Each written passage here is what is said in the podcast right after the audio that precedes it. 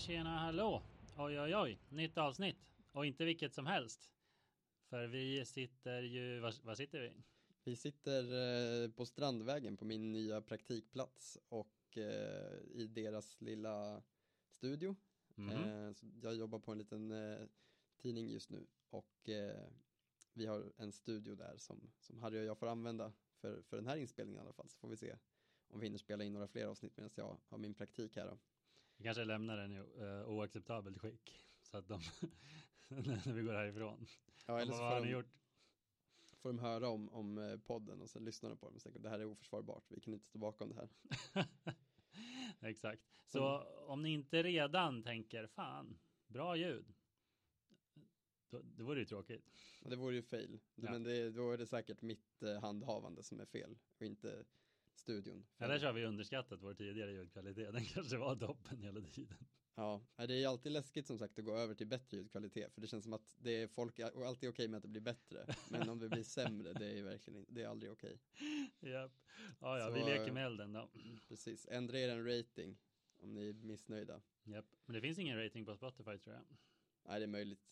Sluta lyssna då. Det är väl det bästa sättet man kan kritisera en podd på Spotify. Ja, Lite så. Um, ja, men det är i alla fall eh, dags att spela in ett, ett nytt avsnitt, ett sjuttonde avsnitt. Och eh, jag tror det har gått ändå lite ovanligt lång tid mellan de här två avsnitten. Eh, livet är som det är och ehm, amatörgrejer får inte alltid den tid som de förtjänar. Mm. Ehm, så nu, nu är det dags i alla fall, det känns ju skitkul. Verkligen. Och något annat kul är ju alla grymma personer som har hjälpt oss göra podden möjlig. Absolut, så vi passar på att skicka ut en shoutout till Ember Artworks, finns på Instagram, som har gjort eh, textdelen av våran logo. Eh, Nick, våran polare, som har gjort en rolig Alt Art of Treasure Trove med våra ansikten som ni kan se på, ja, där vi har våra grejer. Nej, jag har redan sett det. Eh, det kanske börjar bli dags att coerca honom att göra någon ny sån rolig, rolig, ah. roligt poddomslag, vi får väl se. Mm, mm. Um, vi får hjälp av Tobbe att ladda upp våra avsnitt för att vi är teknikanalfabeter som inte klarar av att göra något själva. Eh, Marcus också, Mackarna. Visst. Han har styrt upp eh, våran maxade jingel som ni är vana vid vid det här laget. Men verkligen. Som många högprofilerade poddar hade dödat tvärt skulle jag säga. Ja visst. Och, fan, ja, tack för det. Tusen tack. Vi, eh, vi är inte talanglösa på något sätt. Men vi är ju inte heller. Eh, vi har ingen talang liksom inom det här med design eller ljud och sånt. Utan det är det är vi glada att vi har andra som har. Precis, det enda ljud vi gillar är våra egna röster. Ja, jag har faktiskt börjat bli så, det är en sån här sjuk grej. Jag hör ofta andra människor säga så här, ja det är så obehagligt att höra sin egen röst. Men efter liksom ett liv som teaterapa och självgod man så har det gått över in i någon slags, eh, eh, jag, får, jag, får, lite sån här pirr när jag hör min egen röst. Jag tänker, oh, en jävla kille. ja, mycket charmigt. Mycket charmigt. Eh, mm. men... Det är också det, det, roligaste med när man har visat upp våran podd. Vi, som ni som lyssnar vet så är det ett ganska smalt ämne. Så det är inte alltid folk som inte spelar Magic uppskattar innehållet. Men de säger ju alltid så här, ja det är himla fint, ni har bra radioröster och det är så här bra, eh, man hör ju att ni har kul och kan det ni pratar om typ så här. Sådana kommentarer får vi alltid om, om någon har gått in och smålyssnat. Jo men visst, visst. Eh. Det, det tackar vi också för. Well well, mm. Magic the Gathering, kortspel. Kul. Vad har hänt i våra Magic-liv på sista Sen tiden? Sen sist ja. Ja, jag kan börja. Mitt är nog, jag tror, den här gången är mitt lite kortare. Jag har eh, för lite drygt en vecka sedan flyttat upp till Stockholm tillfälligt då för att ha den här praktiken. Jag går en eh, kandidat, eh, jag ska ta en kandidat i informationsdesign så nu har jag praktik på en tidning där jag får skriva lite artiklar. Det är kul. Men eh, det tar också, skakar om mitt Magic-liv lite. Så hittills sen jag flyttade hit har jag åkt hem och jag kommer fortsätta åka hem på helgerna för att spela Magic och hålla igång. Måste försvara min plats i modern-ligan och ja, måste befolka våra lite mer udda Magic-event som helgens pre-modern turnering. Så, det, så det, det. det gör jag. När är det final i modern-ligan? Det är i början på, eller mitten av december. Okay, eh, så kör typ vi en månad. Ja, precis. Men jag ska försöka hålla ut, eh, försöka vara med på ett par omgångar till och ja. försöka vinna någon också kanske så att man får en fin placering. Ja, visst. Sen, eh, jag vet inte, jag har fått spela ganska mycket EDH på sistone, det har varit kul. Eh, dammat av alla mina lekar minst en gång. Och, Alla? Ja men alla, jag Du har inte ha så det. många, jag har bara sex lekar så jag, det tar inte så Ja, lång tid det är inte som Dirk. Jag är inte som Dirk som har mer 30 lekar och räknar man de som är halvbyggda så är det väl bra många fler. Han la ju ner 13 lekar nyss. För att sälja ja, som Ja. du kommer till. Ja men visst. Ehm, nej men så, så det här Stockholms, tillfälliga Stockholmslivet, eh, tillfälliga sambolivet, det är många små käppar i, i kortspelshjulet. Eh, som jag är tacksam för. Men samtidigt eh, får man väl erkänna att det, det är alltid något som lider och alldeles för ofta, eller kanske inte tillräckligt ofta, vem vet, eh, är det hobbyn. Eh, Men jag har spelat Prelle, jag har spelat så jävla mycket Magic senaste månaderna så jag vet inte, Ja, jag borde verkligen inte gnälla. Jag tror att jag har pressat in mer timmar i spelet än de allra flesta. Det är några av våra kunder som är galna men annars är det liksom, ja, jag Ja. spelar ju mycket. Ja, ja. Trots att jag ändå lyckas hålla igång min utbildning och jag, vet, jag får inte liksom, det är inte så mycket samtal hemma om, om mina gränslösa spelbeteenden förutom då, ja, ni som lyssnar på förra avsnittet vet ju att det inte är helt sant men För förra tror jag det var. ja, något sånt. Japp, japp. Nej men nice, nice. Har du, uppgre- har du bytt uh, commander i fiskleken? Ja det har jag gjort. Det förtjänar det kanske en shoutout. Jag tror det. Ja, Wizards tog tog sig i kragen och gjorde en lord till eh, eh, Sjömonster. sjömonster creature typen det tycker jag är fint. Det är fint att de själva ser att det inte är en creature type utan att det är fyra liksom. Eller det har de visat länge men ja, han, eh, han kommer bli riktigt bra. Eh, Runa och Storm. Precis, Runo Stormkirk eh, som flippar och blir en 3-5 eh, som har en ganska galen ability faktiskt. Så Ja. ja. han kommer in i spel, du får lägga en creature från eh, botten, eller från graven på toppen av leken.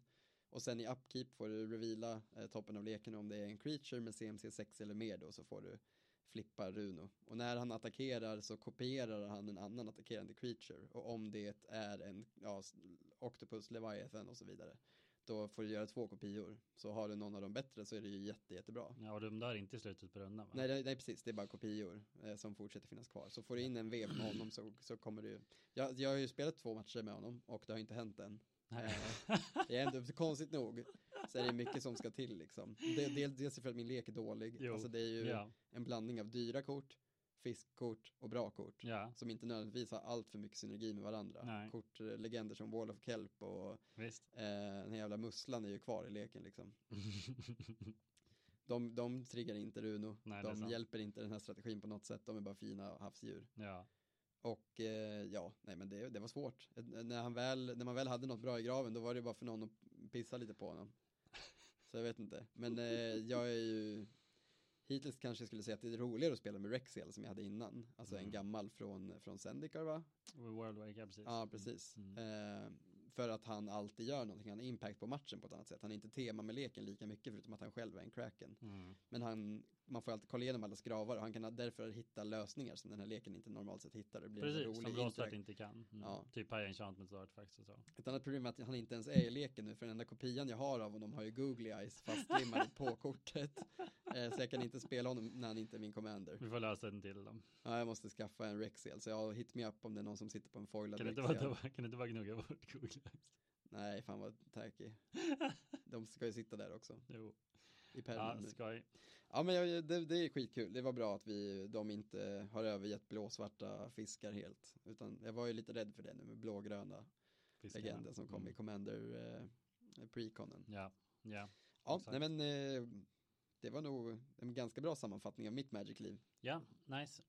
Jag har nog, det är också lite spretigt för mig. Jag har ju lirat en del hos er, med på prällarna. Lirat en del arena, men spelade ganska lite, senaste månaden väldigt lite standard.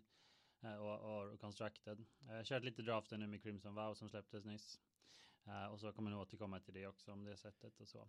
Men det har väl varit skoj. Eh, annars köpt en del dumma kort som vanligt. Väldigt eh, glad att ha fyndat en uh, foilad Crimson Hellcat från Sevent. Som var bättre skick än jag trodde.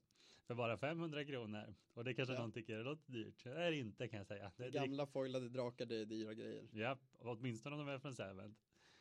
Så Ja. den, den var rikt, ja, mm, riktigt nice. Mm, Också en Toomby foil från Odyssey till kuben. underbart. Japp. Också fynd. Bara, mm, Bara vad? bara 800.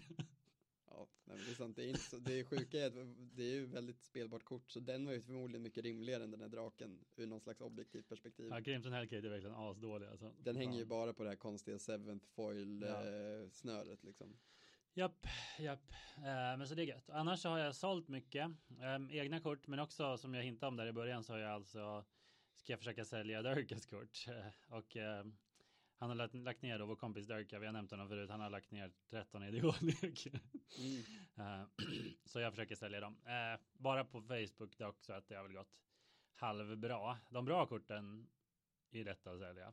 Eh, de mindre bra korten, desto svårare. Vem hade kunnat tro det? De kommer få ligga där ett tag. Ja, eh, så, men ändå rimligt. Han, eh, han hade förmodligen inte kommit till skott själv. Oh nej. Nej, så är det verkligen. Ja, så det känns väl bra. Vara lite så. välgörenhet kan man kalla det. Du får ju en hacka för besväret. Lite bara. lite bara. Men det är bra. Det ska vara så kallad win-win. Tvungen att hänga ut mig. ja, men du kan inte få sitta här och kalla det välgörenhet helt ostört. Nej, du har rätt, det är inte värd. Ja, men så det är väl det, är väl det typ, tror jag. Ja. Ja, nej men vad bra. Det, då lyckades jag ändå ha ett längre Magic Leaf-snack än dig, verkar det som. Men det är ju inget fel med det. Uh, och eh, på tal om eh, Magic Leaf så ska vi prata om eh, saker som relaterar till våra tidigare Magic Leaf som, mm. Som långvariga spelare i spelet. Vi ska nämligen prata om gamla Magic i kontrast då till det förra avsnittet där vi pratade om nya Magic eller vad man ska kalla det. Ja men exakt. Så det är väl det som är planen och vi, vi dyker väl in va? Japp, välkomna till veckans, eller vad man ska säga, tema. Månadens tema, avsnittets tema. Japp, japp, japp. Eh, så, som eh, trogna lyssnare vet så hade vi eh, förrförra avsnittet temat nya Magic inom citationstecken, alltså vad det nu betyder. Mm. Så och det var alltid tänkt från, från mitt håll att vara ett, just ett dubbelavsnitt. Det här kommer då andra halvan. Som ni har längtat. Och eh, precis som eh, jag försökte beskriva då så är det alltså eh, det här ett tappert försök att försöka ringa in Magic i två. Vilket egentligen kanske inte är helt optimalt. Alltså vad jag menar är att Magic har ju funnits i snart 30 år. Eh, och man kan, ibland kan man dra raka streck mellan olika eror tror jag man skulle kunna säga. Till exempel så hände ju verkligen någonting efter alltså de här allra första två åren. Alltså spelet förändrades ju ganska mycket ganska fort. Ja, visst. Eh, alltså så här, men om man skulle kunna säga att de allra så här alfa, beta, liksom revised obviously, unlimited och sen Arabian Nights, Legends. Efter där någonstans, The Dark kanske, så ändå kan man ändå kanske säga att spelet hade mognat lite efter det. Mycket av det som vi känner igen, alltså även om de första, många av de äldsta korten fortfarande printas och har liksom en väldigt stor impact på spelet på sina olika sätt, så tror jag ändå att mycket av liksom det som är Magic idag började formas eh, Senare, då. Liksom. Eller ja. man skulle åtminstone kunna säga att det var 2.0 på något sätt, där runt 96. Ja, verkligen, verkligen. Och då började det komma expansioner på löpande bas. Eh, och också sen så hade vi ju andra stora hopp kanske runt eh, Ursa Saga omkring när det Rare-symbolen och Uncommon-symbolen kom till. Det var ju ganska nytt också. Ja, visst. Uh, och sen lite senare kom Foils, också en big deal. Ja, men och det där du var inne på nyss, lite det här, alltså tanken med block som ändå yep. kommer att påverka större delen av Magics historia. Vi är inne i en verkligen. helt ny era nu. Precis, precis. och det, det jag nyss nämnde var ju också det som vi kallar premodern-eran kanske. Uh, början ja, på premodern som är det som vi pratat om i ett annat avsnitt som ni såklart ska lyssna på. Det beror helt på hur man ser vad man ser premodern som som ett ord liksom. Men ja, absolut. Det här handlar väl lite om premodern eran skulle man kunna säga det här avsnittet. Att det är lite, vi, tar, vi har unnat oss att klippa bort de första åren som vi skulle kunna kalla för den förhistoriska eran. Ja men det gillar jag. och sen nu, nu, är vi liksom inne i den för, för moderna eran. Och sen har vi ju redan ägnat ett avsnitt åt uh, den moderna eran. Precis, så det blir så. möjligt att vi, grejen är att vi själva har ju ingen personlig uh, relation till den första eran. Vi spelade ju båda under den här andra eran. Mm. Men det här 93, 94, 95 det enda relationen vi har till det nu är Chaos Draft, korten som kommer därifrån som man ser dyka upp ibland. Men to be fair har vi så lite relation till ja, det att nej, vi inte ens känner till alla korten. Och man ser fortfarande nya kort från den tiden som man bara, va? Vissa väldigt konstiga kort från typ uh, The Dark och Ice Age. Och Jag menar det. Mm. Så min, det vill säga var bara typ att vi det kan bli ett avsnitt om det också, men vi har unnat oss att skära bort det nu för att kunna prata om saker som vi ändå har någon slags relation till och sen får vi nog bjuda in en gäst till det avsnittet som Det hade kan, det hade kan berika oss om liksom, vad som faktiskt hände då. Vad, Ja, och, och, och de som fortfarande spelar med de sitta här korten. sto, storögda och gärna någon som fortfarande spelar med de korten, någon galning som kör old school eller 93-94. Exakt, exakt. Precis, så med allt det sagt så vad jag tror att jag menar i det här gamla Magic idag är typ premodern-eran men också mycket av det som hände kanske hela tio år efter, alltså kanske fram till 2010, fram till 2012 någonstans där. Mm. För det har hänt ganska mycket, vi, som vi var inne på i förra avsnittet om, eh, om den nya Magic. Mycket av Mm. det vi pratade om då, det är väldigt nya grejer. Vi snackade om, om eh, Fire Philosophy, vi snackade om Booster Fun, alltså Collector Boosters, Set Boosters, hela den grejen. Top-down design. Exakt, den här top-down down, down design som kom för ungefär tio år sedan. Så det kanske är där någonstans vi kommer dra linjen. Innistrad eh, som verkligen nailade eh, det här top-down design-filosofin eh, och också turn up power level en del. Eh, men också gjorde till exempel introducerade transform-mekaniken som har varit väldigt återkommande och också tycker jag fångar mycket av det moderna Magic. För transform är något som bara inte var möjligt innan. Alltså det var bara, alltså det, det fanns inte på kartan. Alltså de, det, det tog de kämpade som tusan med hur de skulle lösa förvandling på kort. Jag har läst någon artikel om det där just. Mm. Eh, De testade flera gånger innan. Threshold var ju ett försök, men ingen fattade ju riktigt. Det var inte alls samma sak. Morph är ju det. Men, det är det absolut. Eh, Det finns likheter. Och sen flippkorten från Kamigawa. men hade Morph kommit idag så hade det haft tvåsidigt, varit tvåsidigt liksom. Förmodligen. Så alltså, ja, nå- någonting liknande Morph hade varit tvåsidigt definitivt. exakt. Ja, nej men verkligen, verkligen. Så alltså, gamla Magic eh, i det här fallet är kanske då pre-modern plus kanske fram till innestöd ungefär. Ja, Vi säger exakt. det. För, för, för enkelhetens skull. Och jag tycker inte heller att det finns fler relevanta grejer med det. Alltså innan eh, pre-modern eran så gjorde de ju sätten typ Arabian Nights och The Dark som egentligen utan att, alltså det finns väl liksom ingen så här riktig, eller det finns säkert en lore, men någonstans får man ändå säga att de har bara hacksat liksom eh, medeltids lore och ar arabisk eh, mytologi liksom in Mm. i två sätt. Och den grejen kom de ju tillbaks till sen nu, att man börjar gå in i andra IPs. Dels det här senaste, att man går in i helt nya IPs genom att bara trycka kort som så här. eh, ja, Och Universes Beyond. Stranger Things Mm, grejen, ja. Universe Beyond, precis. Men även typ sätt som Teros eller eh, Kaldheim som bara så här helt eh, suger sin lore ur Ja, eh, väldigt tydliga referenser. Också. Väldigt tydliga referenser. Och, ja, precis, och det jag ville säga, men det var att det hände väl inte riktigt under den här premodern eran om man ska vara sån, utan Nej. då tryckte de i sina egna fantasy-grejer. Det är klart att det hämtar inspiration från saker. Det är ingen Självklart. som försöker eh, hymla med det, men inte på samma liksom on the nose sätt, det här top-down design-era. Så det är någonting som verkligen definierar den eran, att vi befinner oss i Dominaria. Och vi, har, vi är i de här världarna som eh, ja, Guilds of Ravnica-grejerna, eller Ravnica-grejerna kommer, det är också deras egna värld. Mm. Kamigawa som i och för sig är ett undantag till det här då, för att det kommer någonstans i det här, men det är ändå kraftigt inspirerat Väldigt av, mycket Magic också, dock är det ju. Det är väldigt eget.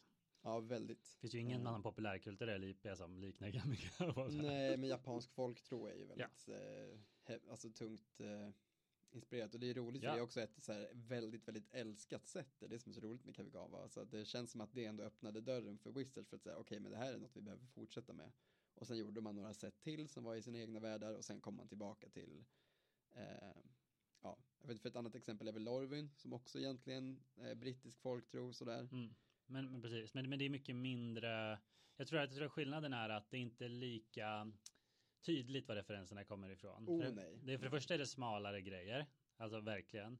Eh, och också så är den väldigt mera, Magics touch är mycket mera egen liksom. Eh, det, det är inte så här att man tydligt ser att Heliod är ju Zeus, alla fattar ju det. De skulle aldrig hymla med det. Eller, eller i Kaldheim att Toralf eller vad han hette som förvisso jag typ aldrig sett någon kasta vilket är lite av en besvikelse men som ska vara Tor då liksom. Ja, det är alla lite roligt fattar. Mm. för Nick spelar faktiskt honom med sin eh, dåliga warrior-lek. Ja, ja. Eh, men ja, nej men precis. Det, det är en stor skillnad och den går definitivt att sätta ord på men vi behöver inte lägga mer tid på det nu. Nej, Eh, men vi kan ändå, å andra sidan så kan det vara värt att stanna lite där för att just peka på så här, men vad är för, alltså faktiskt, vi kan prata lite om settings för att det är ju, jag tycker verkligen att det är värt att nudda vid för att det är ju hur grymt som helst när man får de här referenserna. Jag gillar Theros, jag älskar ju Innistrad, det gör alla, det är tredje gången vi är tillbaks där nu liksom. Ja, visst. Vi älskade såklart Lovecraft-influenserna i uh, Eldritch Moon. Uh, och Kaldheim var ju väldigt coolt, även om vi inte, nu nämnde vi att man inte kände som man knappt han spelare. Men det säger ju mer om release-schedulen än kvaliteten på sättet. Liksom. Ja, det var också mitt i pandemin om man ska vara Verkligen, sån. verkligen. Bra sagt. Men, men däremot så, de liksom, det, det Magic gjorde tidigare, och det här var vi, nådde vi lite vid innan. Alltså jag vet inte, det är ju det känns lite som att eh, när det, man, att de kan ibland kanske kan göra det lite lätt för sig, alltså när man just tar andra grejer, framförallt Universe Beyond, men, men också liksom att det är en sån, det är en sån publikfrieri, det är det jag försöker säga. Ja. Alltså att det är så lätt att bara ta en väldigt, väldigt känd grej som grekisk mytologi som alla känner till nästan. Eller ännu tydligare, Sagan om ringen nästa år. Och bara göra det. Medan jag menar, vad tusan, att få en engagerad i Onslov-storyn liksom. Få en engagerad kring Mirari, de som blev det. The Brothers War och alltså Magics egna stories.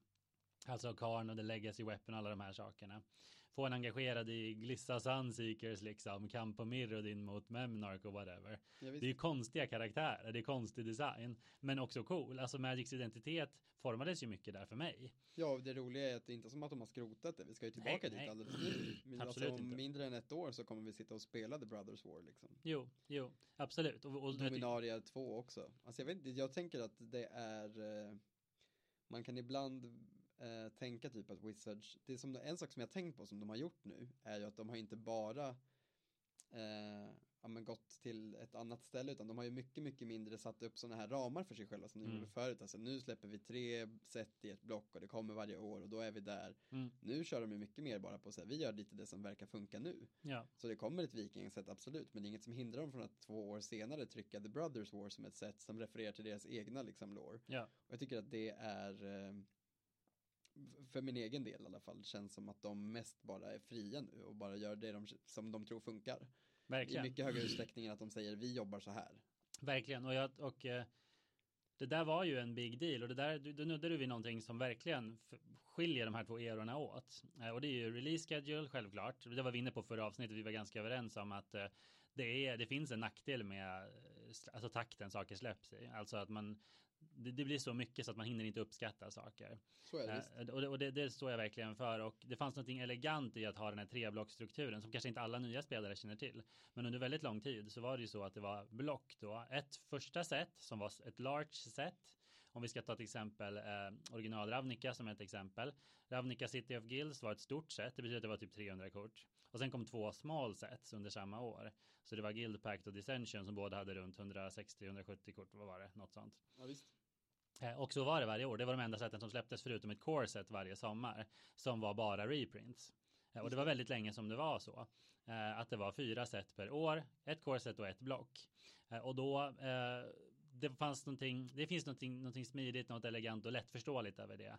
Framförallt för oss som redan har förstått det. Sure, sure.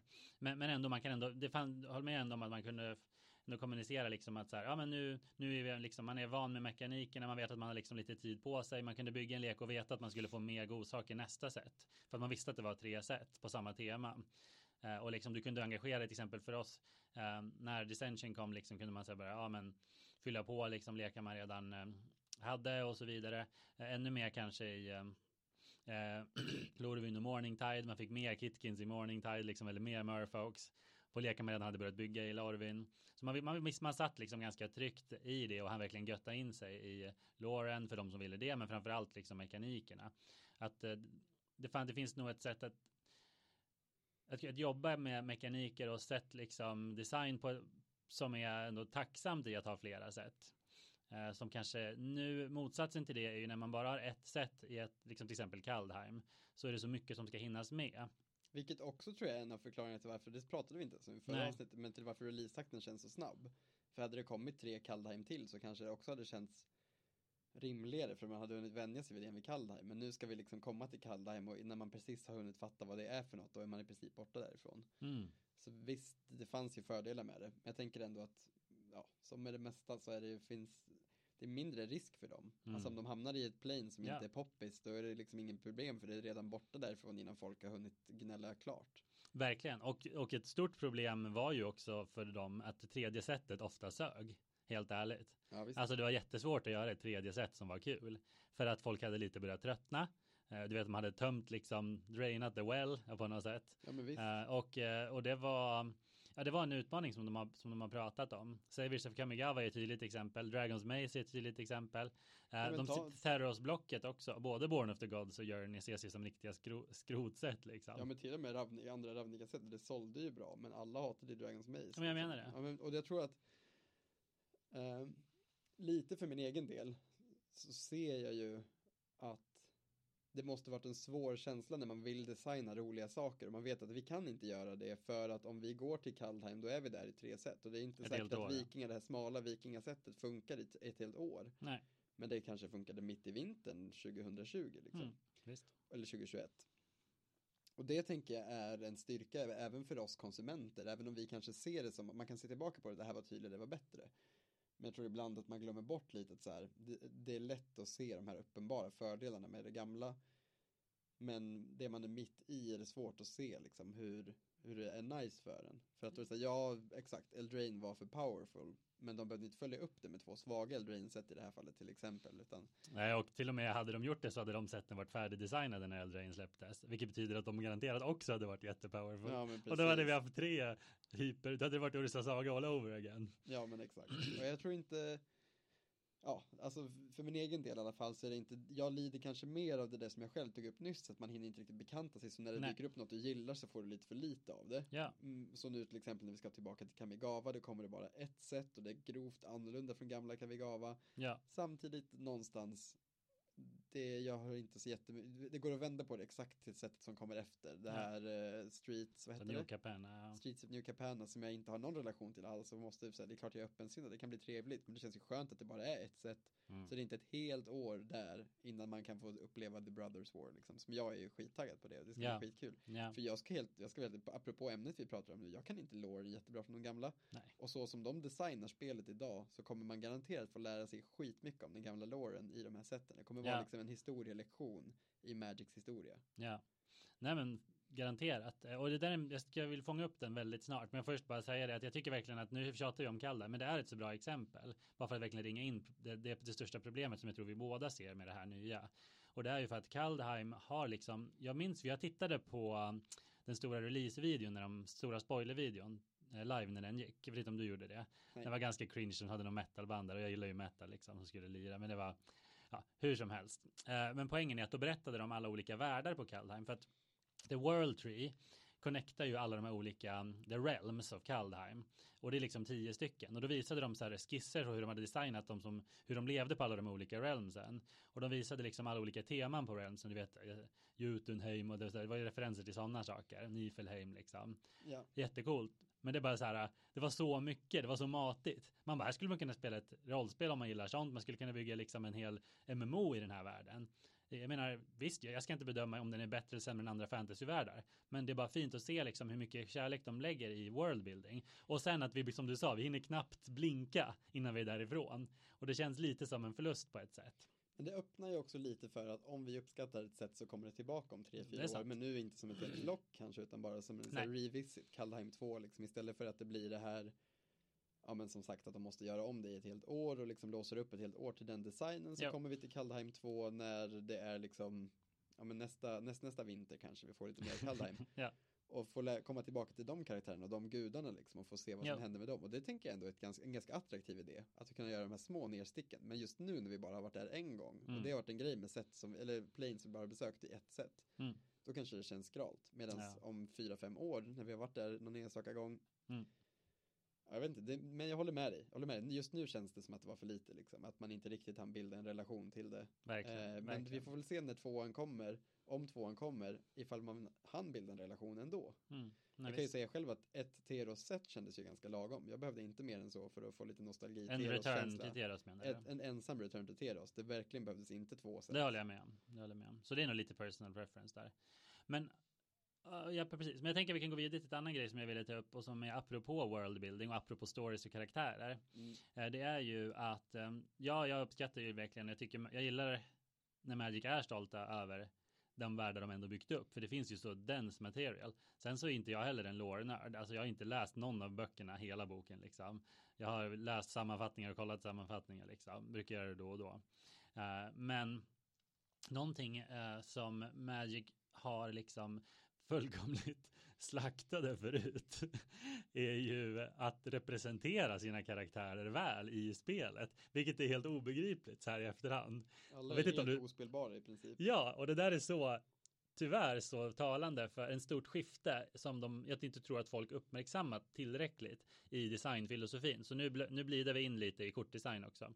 Eh, och det är ju det här med att de legendariska karaktärerna, de som är viktiga i storyn, de som är viktiga för brandet, nu för tiden också får starka mythic-kort. Uh, ja, och vilket det... känns självklart nu. Alltså till exempel att Sorin är självklart med och han är bra i nya Crimson Vow. Uh, Olivia är självklart med, hon är mythic, hon är bra. Folk gnäller för övrigt över att Edgar uh, inte är en mythic och inte typ är bra nog. Men det tycker jag är helt fel för att det är perfekt design på någon, en gammal halvdöende gubbe som gifter sig för att han är rik liksom. Det är perfekt. Är han ändå någon som gifter sig? Det är ju Edgar och Olivia som gifter sig. Ah, okay. Du har inte hängt med i storyn? Nej, nej, verkligen inte. verkligen inte. Nej, jag, jag förstod väl att det var, att jag hade någon aning om att det var Olivia som skulle gifta sig. Alltså, jag visste faktiskt inte om hon gifte sig med Sorin eller med Edgar eller vem det nu var. Ja, nej, men det är jättekul. Alltså Olivia har bokstavligen grävt upp Edgar ur hans kista för att gifta sig med honom. För, för att, få, för att få mer makt. Ja. Liksom. ja, för att få mer makt och ta över Innistrad. Uh, och det är väldigt roligt om man tittar på hur han ser ut, att han verkligen ser ut exakt som man tänker sig att en sån här 90-årig miljardär som gifter sig med en fotomodell ser ut. Det är otroligt kul. Fan vad bra. Nej, jag, gillar, jag gillar känslan i sätt. Jag har inte satt mig in så mycket, men det är väldigt bra känsla i sätt. De har gjort ett, återigen gjort liksom ett riktigt, nu ska vi inte prata så mycket om det Nej. just nu, vi kommer hinna nämna eh, nya Innistrad ett par gånger förstås, men det är verkligen liksom en eh, estetisk bombshell mm. sättet. Det är mm. väldigt mm. snyggt designat. Mekanikerna är coola, passar flavor. Alltså det är verkligen. Blood tokens och så ja. Ja men visst och du får verkligen så här. Ja många, jag vet inte om du tänkte, det finns en som, eh, jag kommer inte ihåg ett flippkort, ett rött flippkort, 3-3 eh, eh för 3. Mm. Den är 2-3 för 3 på ena sidan mm, och när du slår med den och exakt en gubbe till yeah. så flippar den. Yep eh, och blir en 3-3 trample som interagerar snyggt med den andra gubben och det är yep. en dansare. Det är yep. så jävla snyggt designat att det är någon som dansar, den bjuder yep. upp till dans när den, och när den får dansa blir den mycket starkare och gör sin partner starkare. Japp, den är, och den är ruskigt stark också. Den är skitbra i limited, borde till och med kunna spela sin aggregator standard, kanske, vi får kanske, se. Kanske. Standard är speciellt. Jo. Eh, Nej, men den, den är inte dålig i alla fall. Den nej, kommer inte vara top tier i standard, men du kan nej. absolut spela med den. Och den är verkligt cool, så här cool jävla design. Hur mm. designar vi en dansare i Magic? Ja, det här var ett bra exempel. Ja, visst, visst. Och, och det där är ju ett bra exempel på just att korten är kreativa på ett liksom kul sätt. Ibland ett för powerful sätt. Alltså nu för tiden. På ett sätt som det kanske inte var förut. Och det känns logiskt att en dansare gör sin partner starkare. Men det var just det jag ville, bara för att gå tillbaka till huvudtemat. Alltså jag vet inte om ni som är nya vet ju inte det, men alltså de kända karaktärerna från förr. Antingen har de inga kort alls. Jag, alltså, du, de, vanligt, de gjorde bara inte korten. Alltså de bara nämnde Serra. De nämnde liksom eh, Yogmoth. Ja precis, och då var filosofin var att de här karaktärerna i storyn är för starka så vi kan inte ha, man bara, det är ni som bestämmer. Ja. det var ja. liksom en jävla idiotisk grej. Men, jo, absolut, de starkaste ja. korten i spelet kan absolut vara representerade av de exakt, här. Exakt, exakt. Ursa de... hade inget kort, han är den kändaste karaktären i hela Magic. Han hade blind seer, vilket typ var så här Helt sjukt. Ja, men ett annat roligt exempel är ju att main protagonisten Gerard har typ det tråkigaste kortet ja. i hela Magic. Han gör verkligen ingenting. Gainar liv för kort i motståndars hand. Alltså otroligt tråkigt kort liksom. Stackars Gerard. Ja, det finns ju undantag såklart. Captain ja, Sissay, flavorful, stark. Ja, Karn är inte dålig ärligt talat. Cool, bra, absolut. Uh, Kamal Fist of Crosa, den är stark. Uh, Akroma, Angel of Wrath är stark. Vad heter den? Uh, Saffi, också en sån här bra legend från typ förr-ish. Saffi Eriksdotter. Ja, mm, jo, hon spelas ju cool. skitmycket i Commander. Jo, hon är schysst, hon är schysst. Men precis, men som du säger, antingen finns inte korten, alltså fast de är så kända karaktärer. Eller så finns de och, och är bara piss. Alltså det finns ju så många exempel, de är bara urusla. Som du sa, Gerard är ett jättebra exempel. Corona the False God, minns jag. Det, det, var ju, det, var, det här är ett jättebra exempel för att jag, jag spelade ju som fasen eh, med korten från Scorch som fanns fortfarande i butiken när jag började spela. Och det var många drakar i sättet så jag älskade det. Eh, och Corona the False God, man hörde ju att det här är coolt. Du vet, hon var på alla, Corona är ju på alla bilder från Decree-korten som är starka. Decree of Pain, Ja, ja, visst, Decree of. Annihilation. Och, och eh, hon är liksom representerar typ en av de mest maxade grejerna i hela Magics lore. Ja, hon, är- hon är ju en fusion av Fate och Akroma. Ja, men precis. Ja, alltså hon är liksom hur mäktig som helst. Det finns Temple of the False God som vi tyckte var ganska bra. Fortfarande spelar i Commander fast vi inte borde kanske. Du vet. Eh, Så hon, hon är mäktig. Men vad gör kortet? Vet du vad, minns du vet vad hon Ja, gör? jag vet precis Ja. vad hon gör. Jag kommer ihåg Hon är urusel. Hon är, Hon det, inget bra alls. när det är en fem, femma för en av varje färg. Vubrg och sen en generic. Ja, det är sex mana, en av varje färg. Och sen måste du ge bort den i varje tur. Japp. Så när hon attackerar så gör de plus till förvisso uh, Hon är helt okej, din... för när hon väl första rundan hon gör sin grej, då är hon helt okej. Ja, men då är det som en overrun på ben, vilket är schysst. Men du måste bokstavligen lämna över den. Alltså motståndaren får kontroll över den varje upkeep. Du vet, det är så jävla dåligt. Ja, Och, och, jag minns, och jag, anledningen att jag vill ta upp just den är för att jag minns själv när jag var liten, alltså när man tradade, man bara åh, Corona, coolt. Sen bara läste man, fattade vad det här är inte bra. Alltså jag fattade när jag var liten att det här är inte bra. Du vet. Nej, det var otroligt pinsamt. Japp. Nej, men det känns som att det där är en bra, det är en bra, eh, eh, jag tror att de var jävligt bra på speldesignen förut, för att spelet är så jävla funktionellt och kul att spela med de gamla korten och att det är så här asmycket, om man tittar typ på premoden, hur bra det funkar liksom. Visst. Fast att så här unintentionally funkar väldigt bra, med en väldigt liten bandlist Jo. och ett jävligt stort urval av kort och ändå kan man bara spela det. Så jag har inget så här, jag vill inte bajsa på deras speldesign, men filosofin, designfilosofin tror jag var shit liksom. Alltså man hade inte alls fattat det här, men det var inte bara dem, alltså spelvärlden var mycket yngre och så här, Ja, outforskad och var- det är jättelätt att sitta och säga nu, bara, hur kan man tänka så här, hur kan man, Ja. det som man marknadsför liksom mest i bild måste ju vara det som är starkast i spel. Men jag tror bara de, det var inte relevant för dem, utan så här, ja men. Lauren skulle representeras i korten. Men sen har Magic alltid fokuserat på att göra ett spelbart spel. Och då Mm. kanske inte alltid de starkaste abilitiesarna hamnade på rätt kort liksom. Nej. Nej men exakt, Och exakt. till deras försvar så är det inte nödvändigtvis nu heller. Inte som att Goldspan Dragon var det mest liksom lore. Eh, Nej inte alls. det borde ju vara Toralf som är det starkaste röda kortet ifrån det sättet. Om det är enda målet ja. Ja, om det bara handlar om det. Men nu blev Mm. det istället en Goldspan Dragon som är så helt uppenbart sönderpushad. Varför pushar de inte sönder Toralf istället Mm. och gjorde sättets liksom några av sättets mest ikoniska grejer. Eller samma sak med Alrund, att han inte är lite mer pushad. Han är bra, men alltså han skulle kunna vara bättre. ja han spelas ju ingenting. Medan Alrunds Epiphany spelas. Ja, men jag menar, det jag försöker säga är väl helt enkelt, de gör Ja. fortfarande den här missen Ibland. delvis. Att de inte typ så pushar eh, protagonisterna eller story centerpunkten tillräckligt hårt liksom.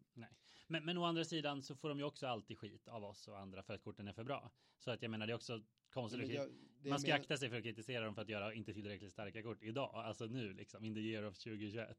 För att vi gnäller oftare på att korten är för bra än att de är för dåliga.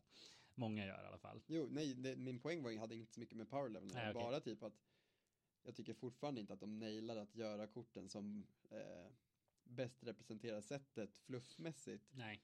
Eh, inte är de, alltså det hade ju varit snyggt. Vi kanske sitter om tio år till och säger, fan vad dåligt, det här har blivit ännu bättre.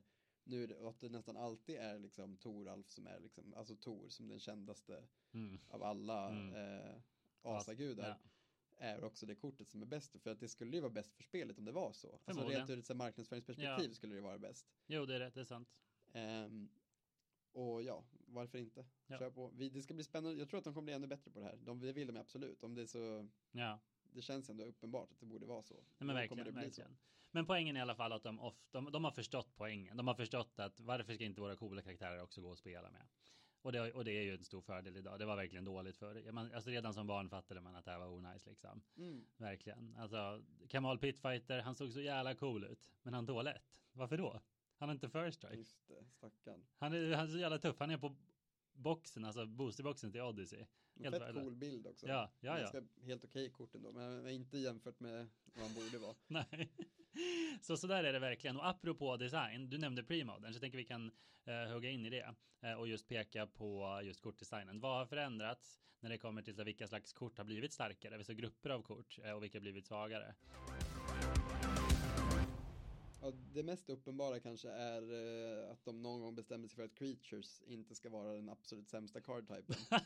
eh, vilket också var en rolig sak för det var liksom den mest relaterbara kortformen, alltså creatures, det är som liksom i, i fantasy och i liksom Jag, jag tror, science, jag tror- fiction och allting. Det är alltid varelserna som liksom är det man fastnar för. det är klart. Det är klart. I Alien, det mest påtagliga coola är ju monstret. Ja, men det, det är, sen är det klart att settingen och allting är det som gör filmen bra, men, men det är lättast att sälja monstret. Ja. Vilket är varför när man säger Alien så kommer de absolut mesta tänka på monstret och Ja. inte på rymdångest liksom. Nej, visst.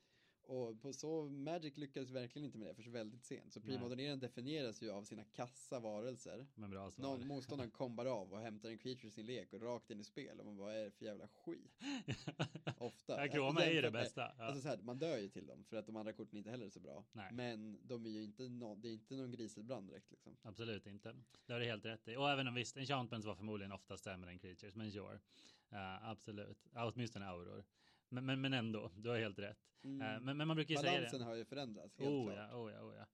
Verkligen, verkligen. Uh, och eh, precis, och, och det var ju det var ju lite dumt antar jag. Att det var lite tråkigt just att creaturena ändå höll en så låg nivå, inte bara legenderna. Men det blev ju också wonky för att svaren var så starka. Jag minns tillbaka till vår gamla kompis, barndomskompis Benet när han spelade. Han störde sig ofta på att varför kan ett kort som terror för två mana döda min rock som kostar sex mana? Det är orättvist liksom. Och han har ju rätt någonstans. Man har lagt en hel match på att få ut en rock. Så sitter Precis. motståndaren och spelar en jävla terror. Ja. Exakt, är alltså, och, och det jag tycker verkligen att hans känsla ringar in det här.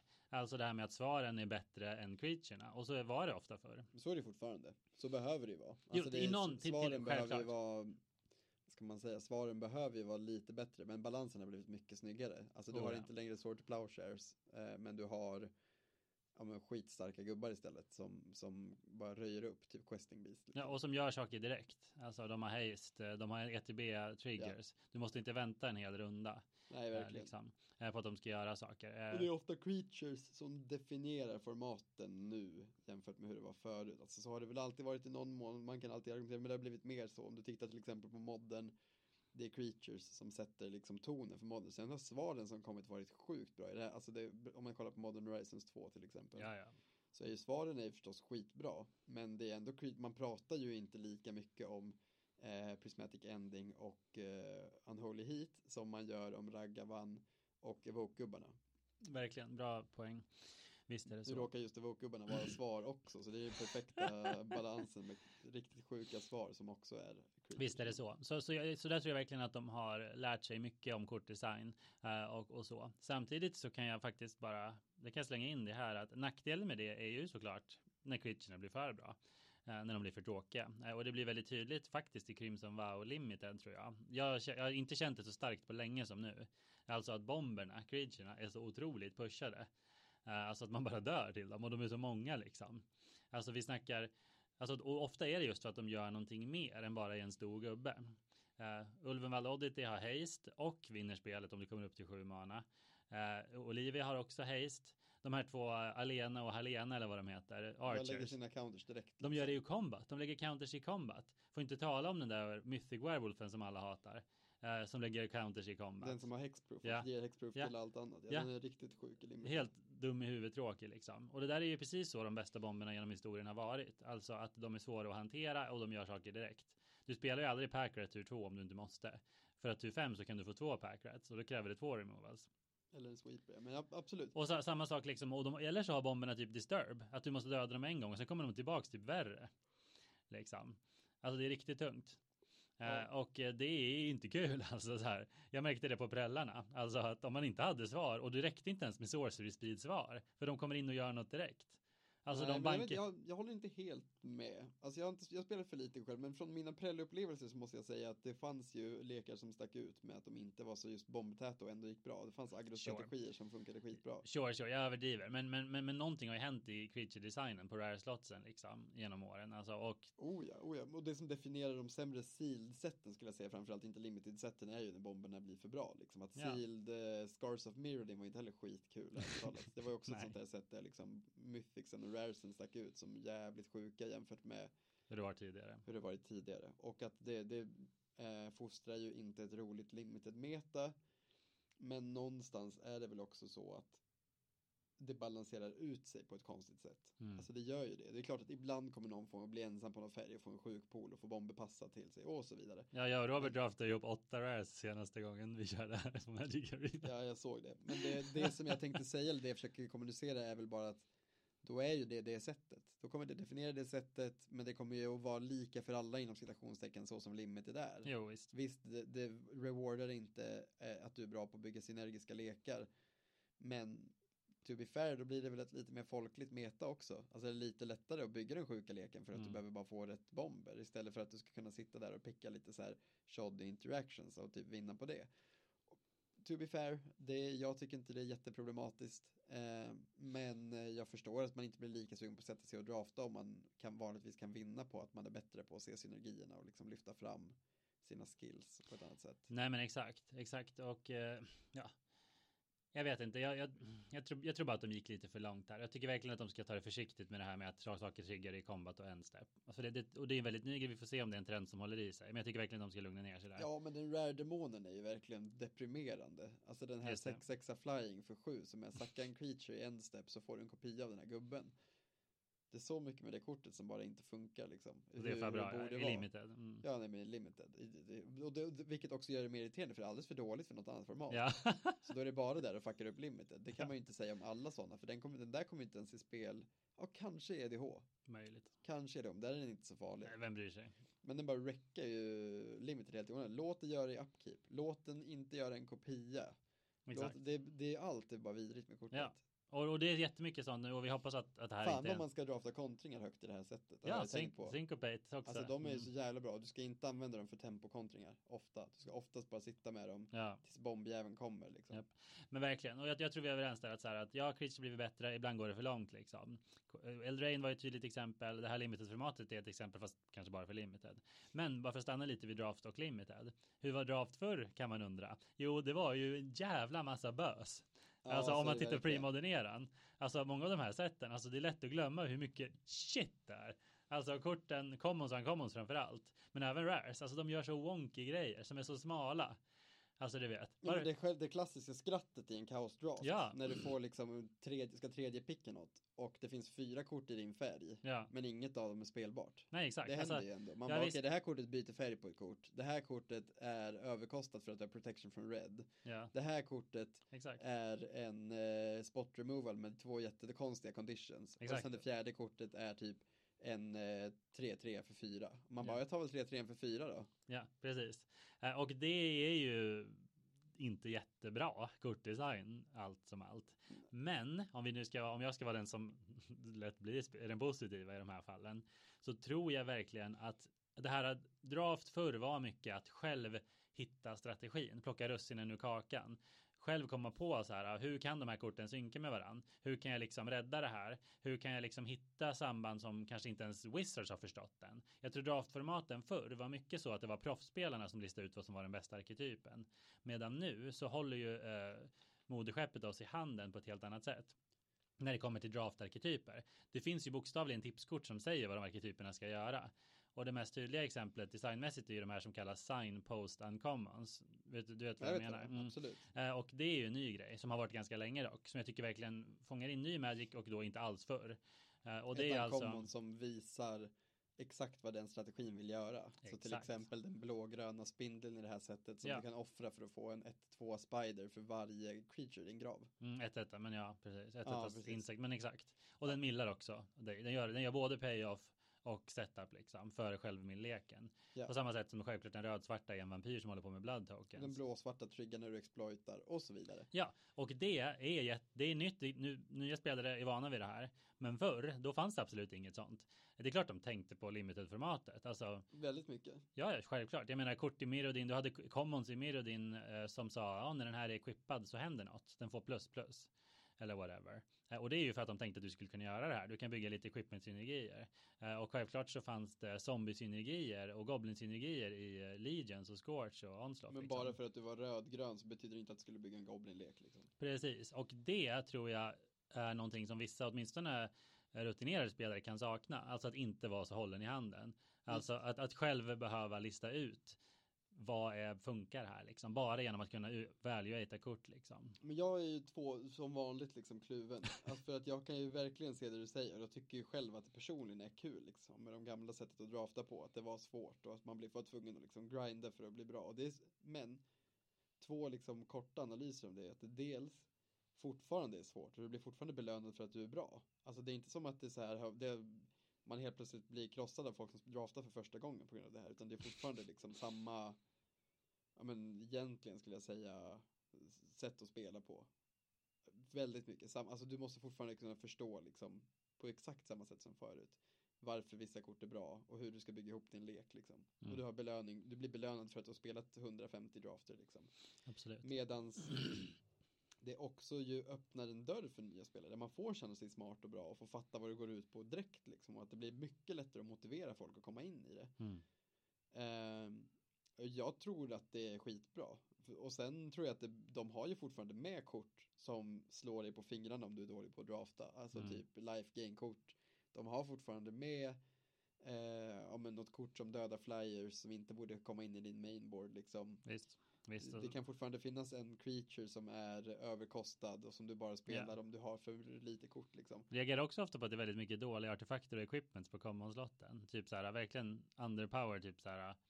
Två mana equipment, ge plus ett plus två, tre equip typ. Alltså jag överdriver, men typ, det känns nästan så. Man Ja, bara, hopp, liksom, vad är det här?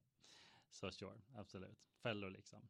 Ja, nej men det, och jag tänker att du har, du har faktiskt rätt i att det här är en stor förändring. Men jag vet inte om det är bra eller dåligt. Det finns nog som du säger också liksom att det är lite både och. Alltså det är dåligt för att det är tråkigare för oss som gillar det här. Men jag tror att det är mest bra för att Mm. det blivit tydligare. Och jag tror generellt sett att spel vinner på tydlighet. Alltså jag tror Jo. inte så mycket på Dark Souls-grejen, liksom att det ska vara svårt och krångligt. Det är kul ibland, men det kommer ju inte liksom kunna vara Passar här inte alla. stora folkliga grejen då. Nej. Om folk ska behöva känna sig som idioter tills någon har förklarat vad det går ut på. Ja. Utan du måste kunna utforska och komma på det själv. Liksom. Verkligen. Det är ju, Verkligen. ja, jag, tycker det, jag tycker det funkar väldigt bra just nu. Jag märker ju på de drafterna vi har på butiken att folk som kommer in i det på ett helt annat sätt än vad jag är van med tycker att det är kul från första början. Liksom. Ja, ja. Nej, du har nog rätt. Och jag tänker nu handlar det mer om att bara övertala nybörjarna om att sluta drafta trefärgat och fyrfärgat. Ja, tvåfärgat har aldrig varit så lätt liksom. Nej. Uh, lite, lite mer om kortdesign bara innan jag glömmer bort det. Sen får vi nog röra på oss. Uh, och det är ju, vi kanske måste prata om hatkort och stackskort. Absolut. Det ringer ju verkligen in gamla Magic, eller hur? Alltså det är ju roligt för att även modden som får liksom massa nya starka kort hela tiden definieras ju fortfarande till stor del av de gamla hatkorten. Alltså de gamla liksom eh, stacks piecesen som man kallar det. Exakt. Och då, om någon inte är med på vad det betyder så är det alltså kort som inte kanske kontrar och dödar saker utan ser till att du inte får göra saker alls motståndaren då. Ja, eller det begränsar vad motståndaren kan Ja. göra med, med sånt. Och det finns ju alltså gamla kort som bara aldrig kommer eh, komma in i nya Magic liksom. Nej. Vi har, eh, ja men de mest liksom famous som fortfarande är legala i formatet är väl typ Chalice of the Void som säger att, eh, ja, det är en eh, artifact som du spelar ut för XX och alla spells som castas med co- converted mana cost X, Mm. eh, för den får charge counters på sig. Alla som eh, spelas eh, med den converted mana kosten, eller det mana valuet, Mhm, kontras. Japp. Så det är basically om du lägger den på ett så lekar som har massa spel som kostar ett kommer få alla sina spels kontrade om de inte råkar ha en Cavern of Souls i spel. Liksom. Ja, visst. Sen finns det en snaring bridge som säger att creatures kan inte attackera om de har eh, högre power än vad du har kort på handen. Ja. Så sitter du och spelar en lek som är bra på att tömma sin hand och ja, Ja, motståndaren kan man inte slåss. Du har eh, Blood Moon som vi har pratat om massor förut för att det är ett kärt kort liksom. Men det är ju Visst. också ska säga, alla non-basics är mountains. Ja, verkligen. Eh, och det här är typiskt gamla kort som bara säger en sån här game altering effekt som verkligen kan fucka upp spelplanen. Exakt. I, i premoden har du ju väldigt många kort som förstör alla länder av en viss typ. Alltså det, och det finns också några som är legala i modern, som Boil till exempel, förstör alla islands. Ja. Choke Islands tappar inte upp. Eh, Du har Light of Day, den är inte modern legal. Svarta creatures kan inte attackera eller blocka. Och det är också en enchantment. Så liksom svart kan inte ens förstöra den. Liksom. Ja, inte på ett rimligt sätt i alla fall. Nej, men inte då i alla fall. Eh, och, och, och den där typen av kort, det händer ju bara inte idag. Alltså det finns hatkort idag.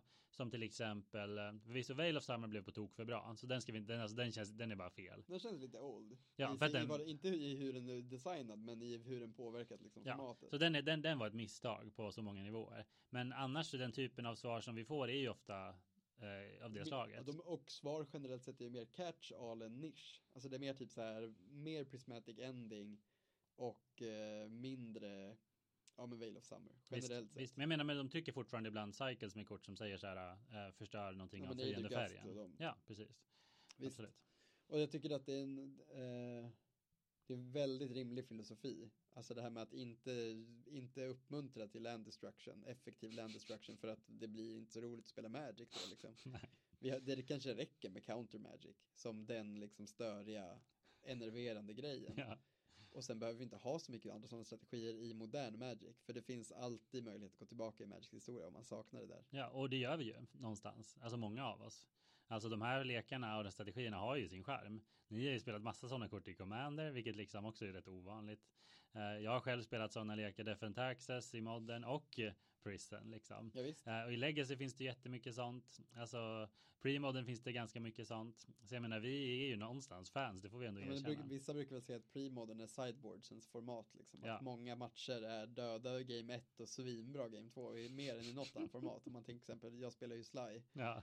Jag har ju oftast väldigt bra game 1 mot nästan alla lekar. Ja. Men oftast väldigt dåliga game 2 framförallt om motståndaren spelar vitt. Då är Ja. det verkligen så här, det finns några kort de kan dra, kommer den på kurva så kan man bara packa ihop egentligen. Circular Protection Red till exempel. Circle Protection Red eller Warmth eller något Ja, visst, och det är kort som alltid, som var så självklara i Magic. Alltså Circular Protection är ett jättebra Jag exempel. vill bara säga ett exempel, precis, Circle Protection är ett bra exempel, för det var, de var ju en sån cykel som bara kunde hata ut en färg så. Och den var alltid legal. De printade den i varje core set. Ja visst. För det var så självklart att Circular många. Protection skulle vara med.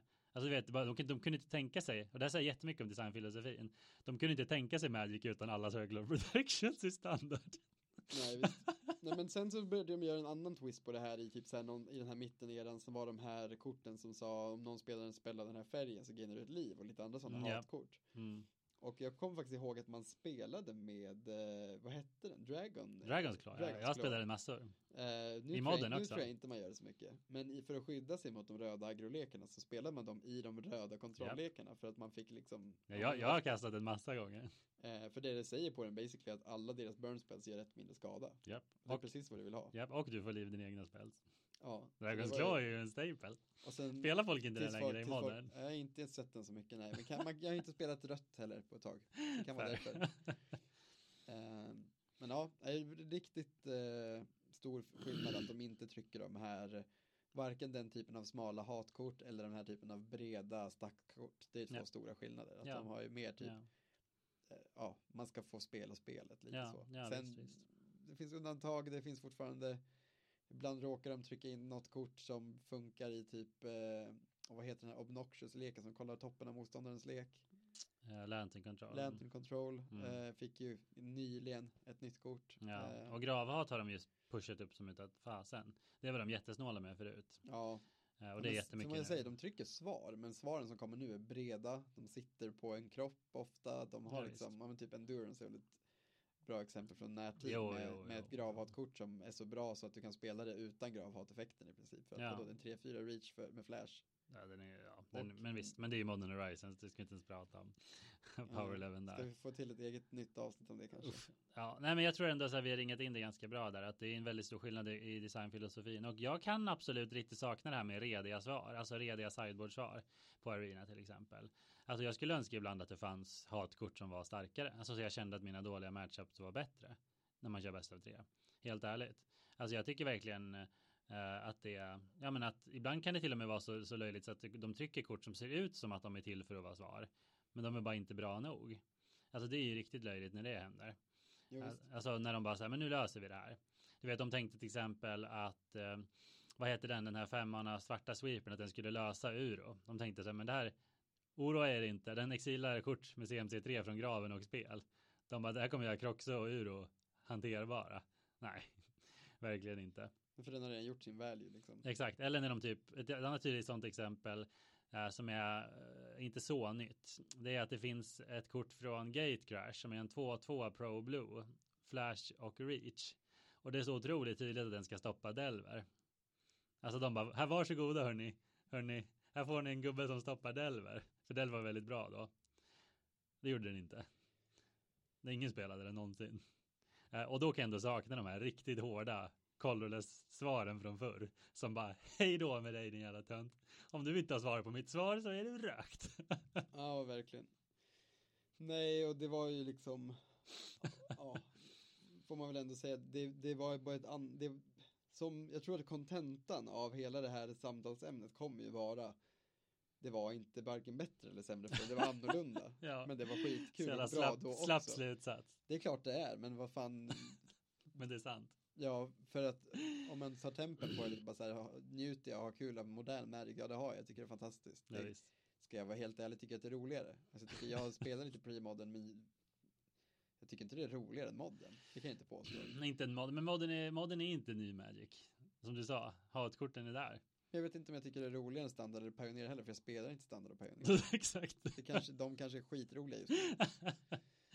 Kanske. Och det jag vill få sagt är väl bara typ att ja, fan, eh, testa premodern så kommer ni få uppleva allt det här vi pratar om. Allting är, Mhm, är liksom mhm. nerkokat i det formatet och det, det är skitbra, det, det funkar förvånansvärt bra och eh, ja men man, man får uppleva liksom den gamla designfilosofin first hand Ja. på något sätt. Ja, och skillnaderna märks verkligen. Ibland på ett muppigt sätt, att du bara dör. Alltså att du Ja, vet, och ibland så är det att du sitter liksom i ja, helt absurda game states som aldrig skulle hända i modern Magic. Exakt, för att saker tar bara slut nu på ett annat sätt. Och det är en sak som jag verkligen måste få säga om att många kritiserar ju modern eh, standard och så för powerleveln. Alltså att när, speciellt i Best of One, när lekar flyter på så känns de ibland ostoppbara. Just för att sideboarden aldrig kommer in och kan göra skillnad. Eh, och att så här, on the play blir också mer relevant idag.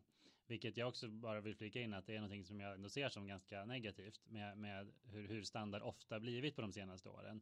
Och det är att så här, när de pushar mekanikerna i ett sätt, och det här är också ett problem som hänger ihop med det vi sa i början, nämligen att när du bara har ett sätt. Det tydligaste exemplet är ju Kaladesh, det var förvisso två sätt. De var så här att vi vill att Energy och Vehicles ska bli bra för att det är de nya grejerna. Och då gjorde de det för bra. Alltså Energy-korten och Vehicle-korten var för bra. Ja. Eh, och eh, samma sak eh, har vi ju sett i, ehm, eh, med Adventures i Throne of Eldraine då. Alltså att de bara, men de, de lägger in alla kort till leken i sättet. Här har du payoffen, här har du setupen, här har du hela korten, leken bygger sig själv. Och så visar sig att den leken var hur bra som helst. Det blir, du vet, det är fantasilöst, det är lite tråkigt och när leken rullar, alltså när det är kurva, ett dropp, två dropp, tre dropp liksom, manaramp, Ja, då är det, då är det ostoppbart. Eh, Du vet, det känns, typ Winota är ett jättebra sånt exempel. Vad ska du göra? Alltså när Winota kurvar och träffar med RNG perfekta kort från toppen. Det känns fruktansvärt, det gör ju det. Alltså det är inte kul. Eh, och det hände inte förr på samma sätt tror jag. Då var det snarare att du kanske förlorade till ett kombo. Alltså om du tar Premodern som exempel. Visst, det är inte kul om någon kör Dreadnought Stifle. Liksom. Men här är det mer att så här, det här är mer normala kort. Alltså kort in i kort in i kort. Vad ska du göra? Det är för mycket value. Även om du sweepar så har korten ändå haste typ. Så dödar de i nästa runda. Eller så har de fyllt på din hand eller Ja. så har de gjort något. Jag fattar vad du menar.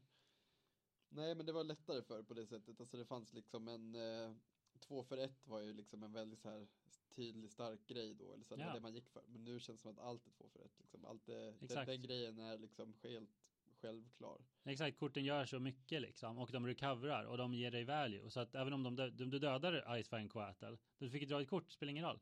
Ja, ja, det var en jävla 1-1 Det var inte, problemet var inte det. Problemet var Nej, exakt. alltihopa men- sammantaget. Men precis. Nissa Hushakes liksom. Nissa Who Shakes the World. Kommer in, dödar dig och ram, rampar mana. Ja, och och permanent direkt. skapar en 3-3 creature, så även om du dödar henne så har du fortfarande 3-3 kvar liksom. Ja. Som du fick som ett payoff. Jag vet inte, alltså, sure. Det Men svaren är ju bättre nu också, Sure, det är sure. de ju. Alltså det är väl det som inte för. kontringar är därför då. jag Inte kontringar alltid. Det är därför modden funkar så jävla bra nu tror jag. Jo. För att även om hoten de har tryckt så jävla bra, typ Raggavan, en av de bästa gubbarna någonsin liksom. Ja. Men svaren är också så jävla bra. De bara printade svaren i samma sätt. Ja, Det är jo. därför det inte är så jävla fucked. Visst.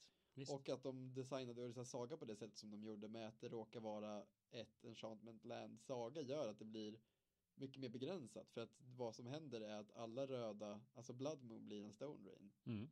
Mm. Och Alpine Moon blir en Stone Rain för ett. Mm.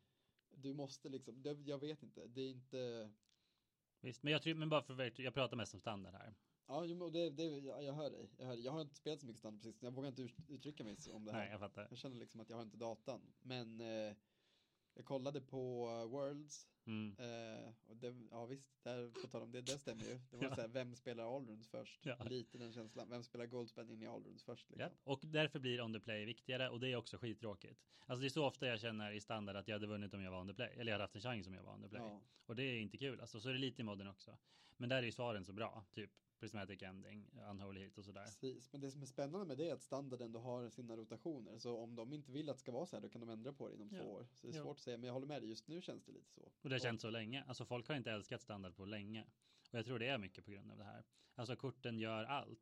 Krasis, den ger dig kort, hot och liv. Alltså den stabiliserar, ger dig mer kort att vinna med om de skulle döda den. Alltså, och den kan basically vara ett combo outlet också. Alltså om du har någon lek som skapar mycket mana på något sätt så är ja. klassiskt det perfekta liksom. Ja, alltså det är inte, det där, där har, där måste jag verkligen ge en poäng till, till liksom det gamla Magic att man bara det kunde bli intressanta board states. Du kände att du kunde komma ikapp. Det är mest det. Du kände inte att det var över lika fort som du gör nu. Nej, nej men som sagt, jag vågar inte ge någon bestämt replik. Jag kan säga att jag, jag, kan, jag delar din observation delvis, men inte mm. helt, för jag har inte spelat det själv så mycket. Eh, det är säkert delvis sant. Eh, jag, jag, får upp någon sån tanke i huvudet själv som säger varför spelar folk inte mer sweepers typ? Men det är typ som du säger, det är inte alltid det man behöver ens. Är det typ, vadå, sweepa bort deras Goldspan Dragon? Mm, kommer en Fan, till. De bryr sig inte. Nej, och de har fått, Nej. precis, de har fått två treasures och det kommer en till. Ja, du fick bort ett kort för ett kort. Ja. Hur hette det? Exakt. Exakt. Nej, men eh, alltså det är inte det är inte bara reflekterande för nya Magic utan det är framförallt för nu Magic. Fast det är om ett par år. Ja, visst. Mm, jag tror det faktiskt. Alltså jag pratade om Guilds of Ravnica till exempel, alltså Krasis. var ändå ett litet tag sedan nu. Jo, visst. Ja, kanske. Jag hade fan kul i det standardformatet. Ja, jo, det kan man. Och, och, det ska jag säga. Alltså, jag, jag tar ju rollen som den negativa här, men alltså det betyder inte att standard är ospelbart eller ens tråkigt. Nej. Men lite för ofta. Det är väl egentligen så. Alltså lite för ofta känns det som att jag hade aldrig en chans. Speciellt inte om man kör bäst of one.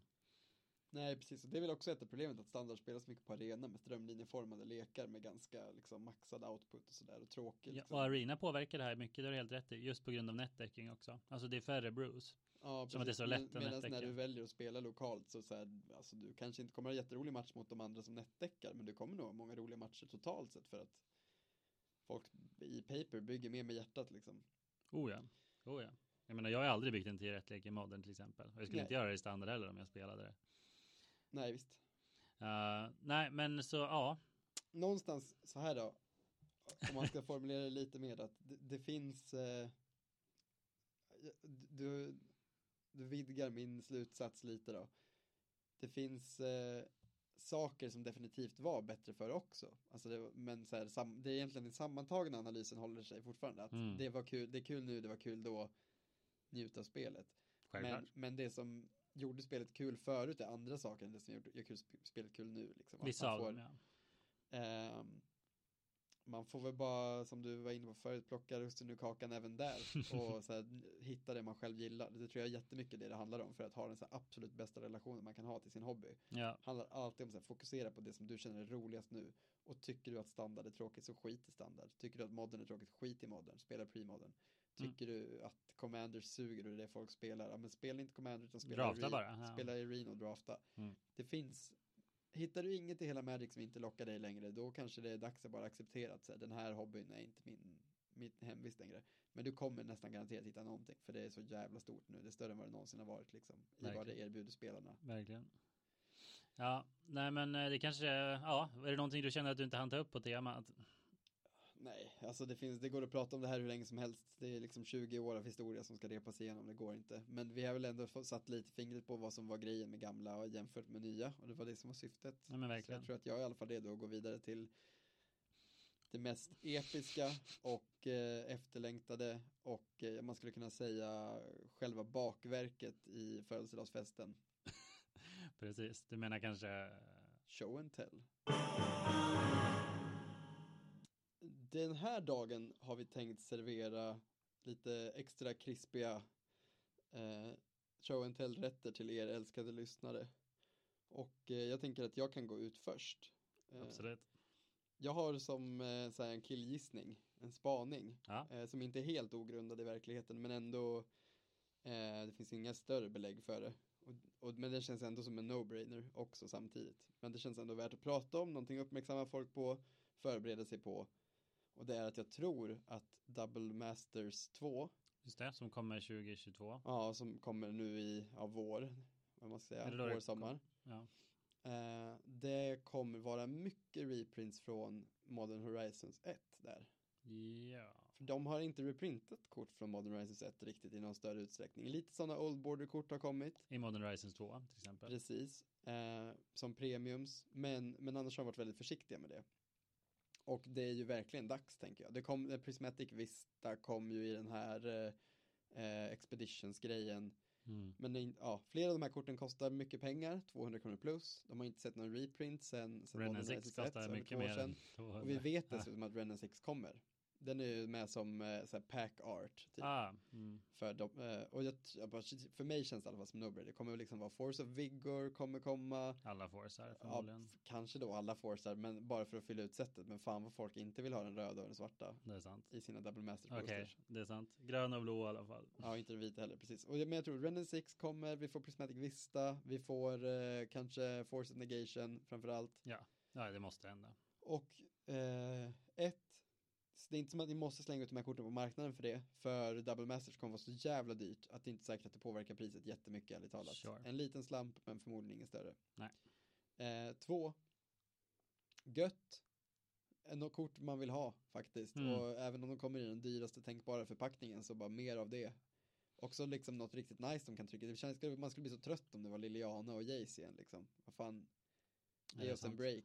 Det är sant. Det var ju verkligen, de behövde ju printas tusen Dark Confident också. Och Ja, Tarmogoyf. Och så vidare. Men nu är det andra kort som ligger högst upp på väntelistan känner jag. Ja, verkligen. Och så här, lägg 100%. fucking Utopias Brawl i common-slotten där. Bara Ja, just det. med, Den är fortfarande skitdyr. Ja. ja 80 spänn typ nu. Nej. 70-80 spänn. Menar, bara, fucka upp marknaden lite. Ge mig mer.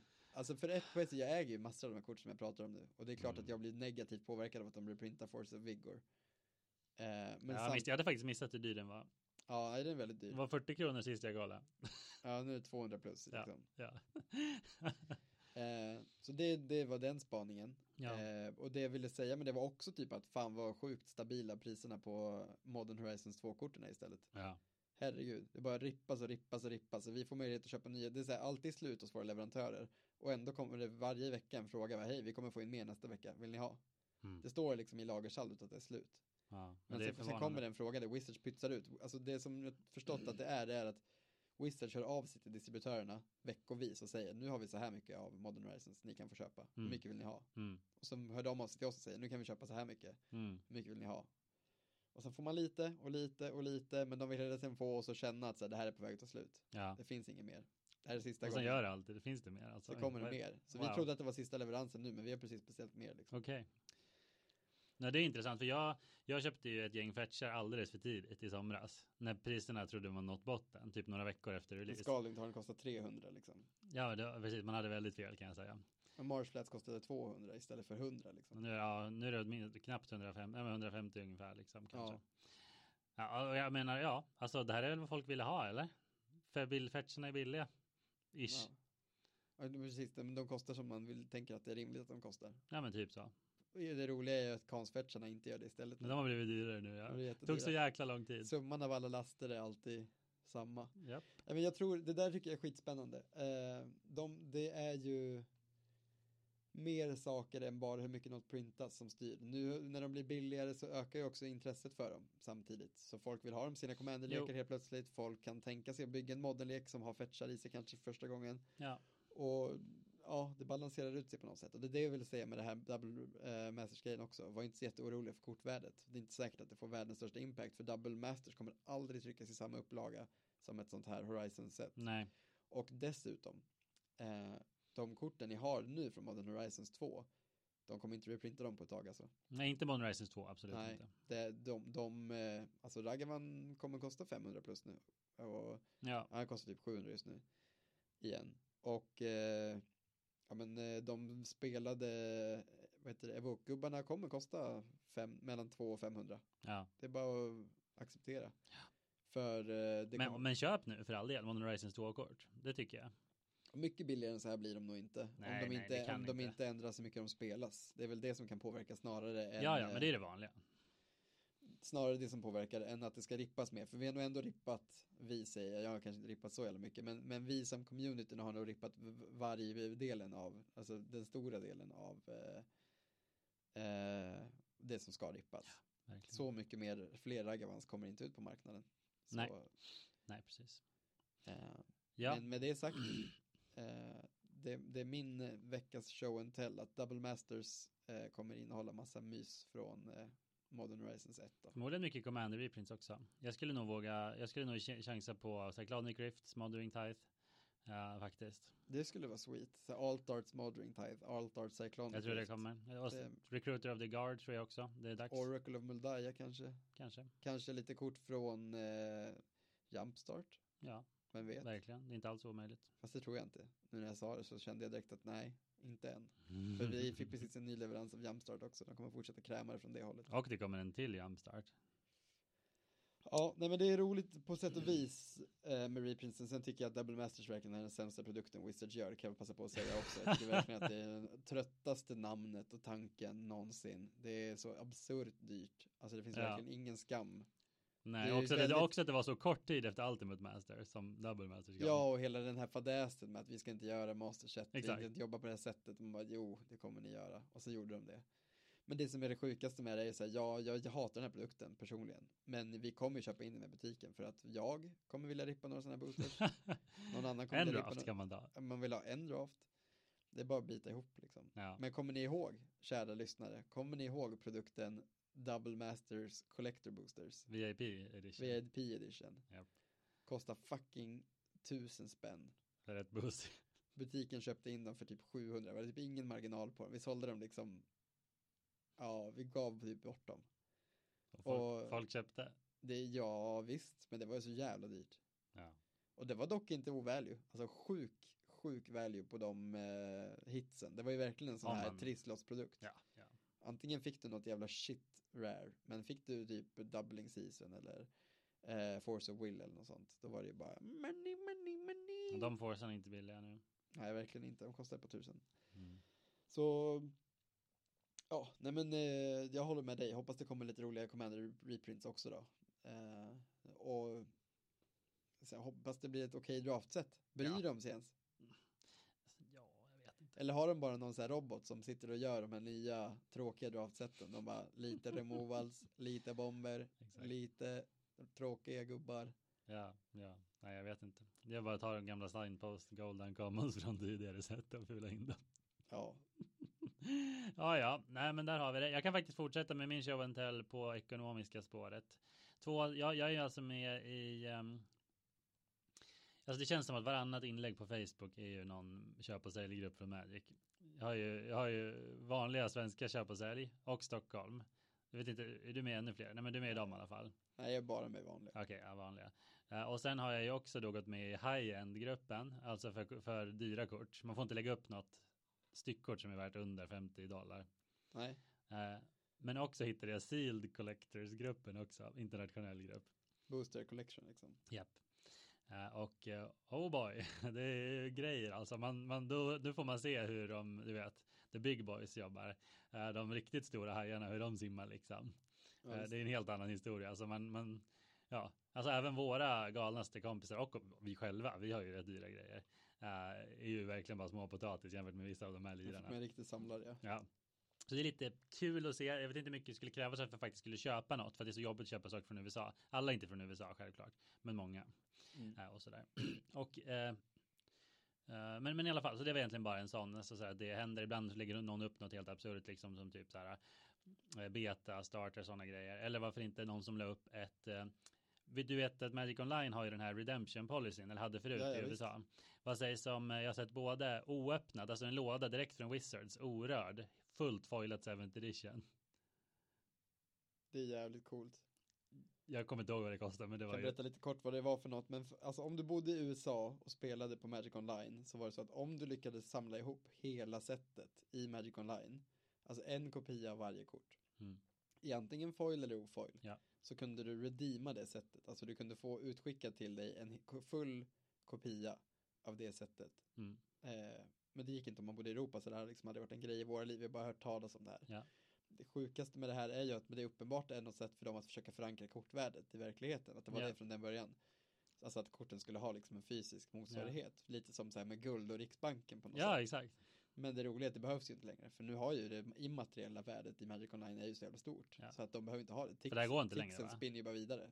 Jag har ingen aning. Jag kan inte tänka mig. Nej, säkert inte. Och det behövs inte längre. Nej. För att det finns ett egenvärde i den immateriella produkten nu. Alltså Ja. att tixen har ett värde. Folk köper och byter tix på, alltså köp, byt, sälj ju. Ja. Alltså någon Ja, la ja. upp senast idag, bara Ja. köper och säljer tix för 8 kronor styck. Ja.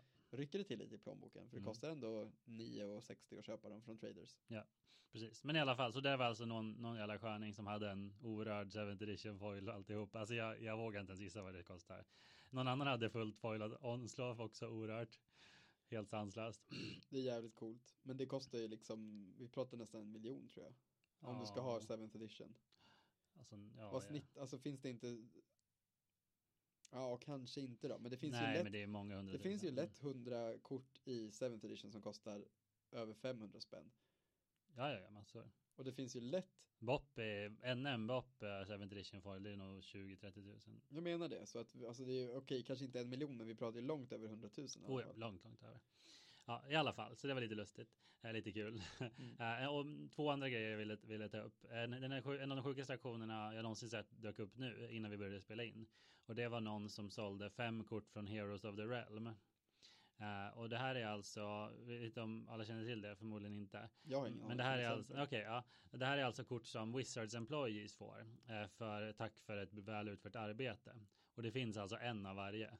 Eh, och man ger dem till specifika employees. Alltså någon som har jobbat och så Ja, Okej, länge jag, liksom. jag, jag, jag. Eh, inte en av varje, men få av varje.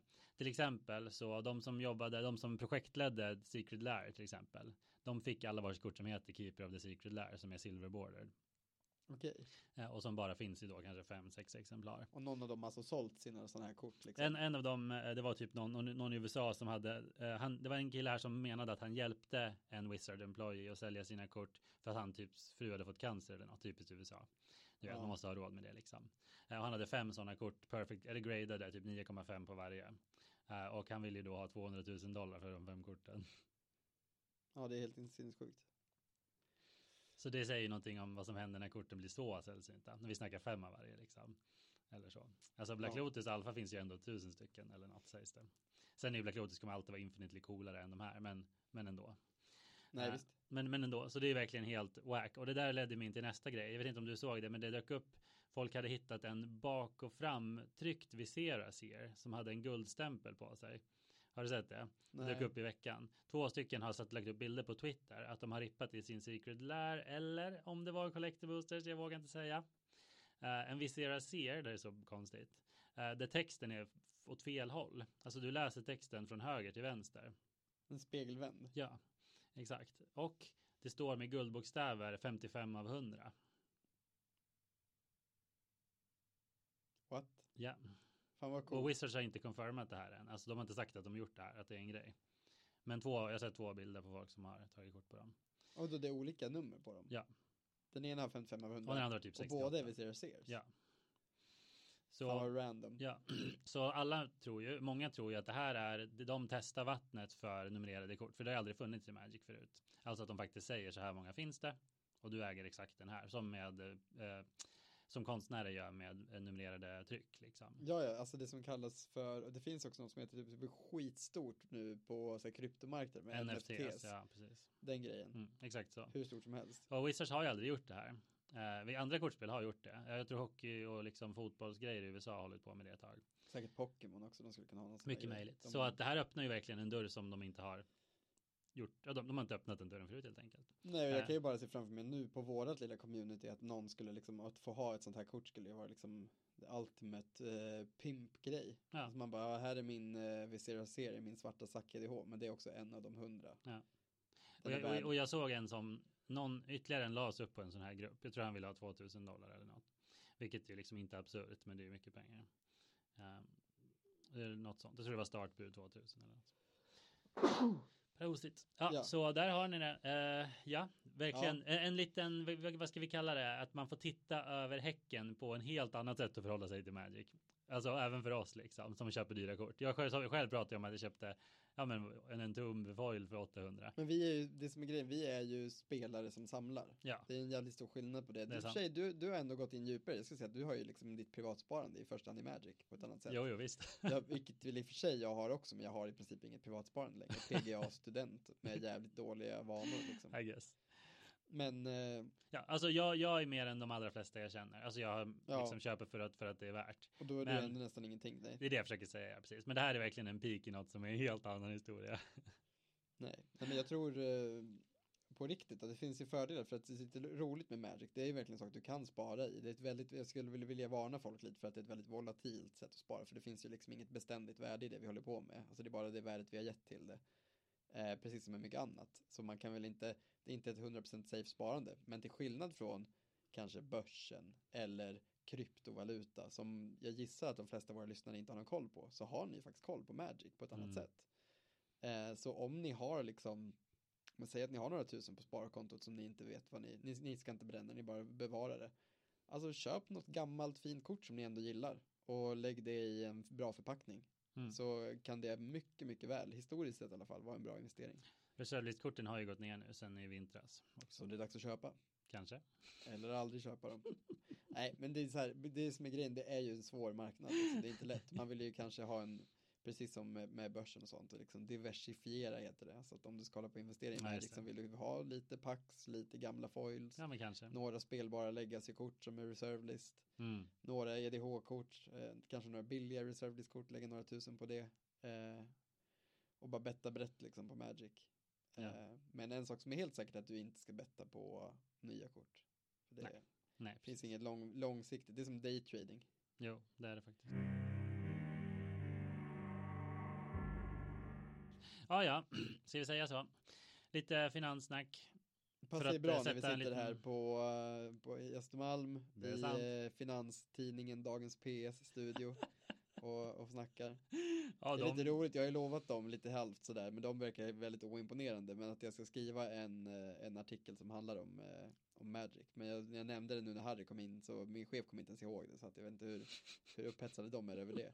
Men eh, de skriver ju artiklar hela tiden om så här finans och NFTs och allt möjligt. Så varför inte liksom om, om samlarkort? Jag tror att jag kommer behöva branscha ut och skriva om Pokémon också då. För att det är så här mycket, Ja. mycket bredare, intressantare för, för våra läsare här på tidningen då, men kul grej i alla fall. Det skulle vara roligt. Jag vet inte hur mycket, det blir lite research för att få till det bra, men Mm, jag kan få hjälpa dig.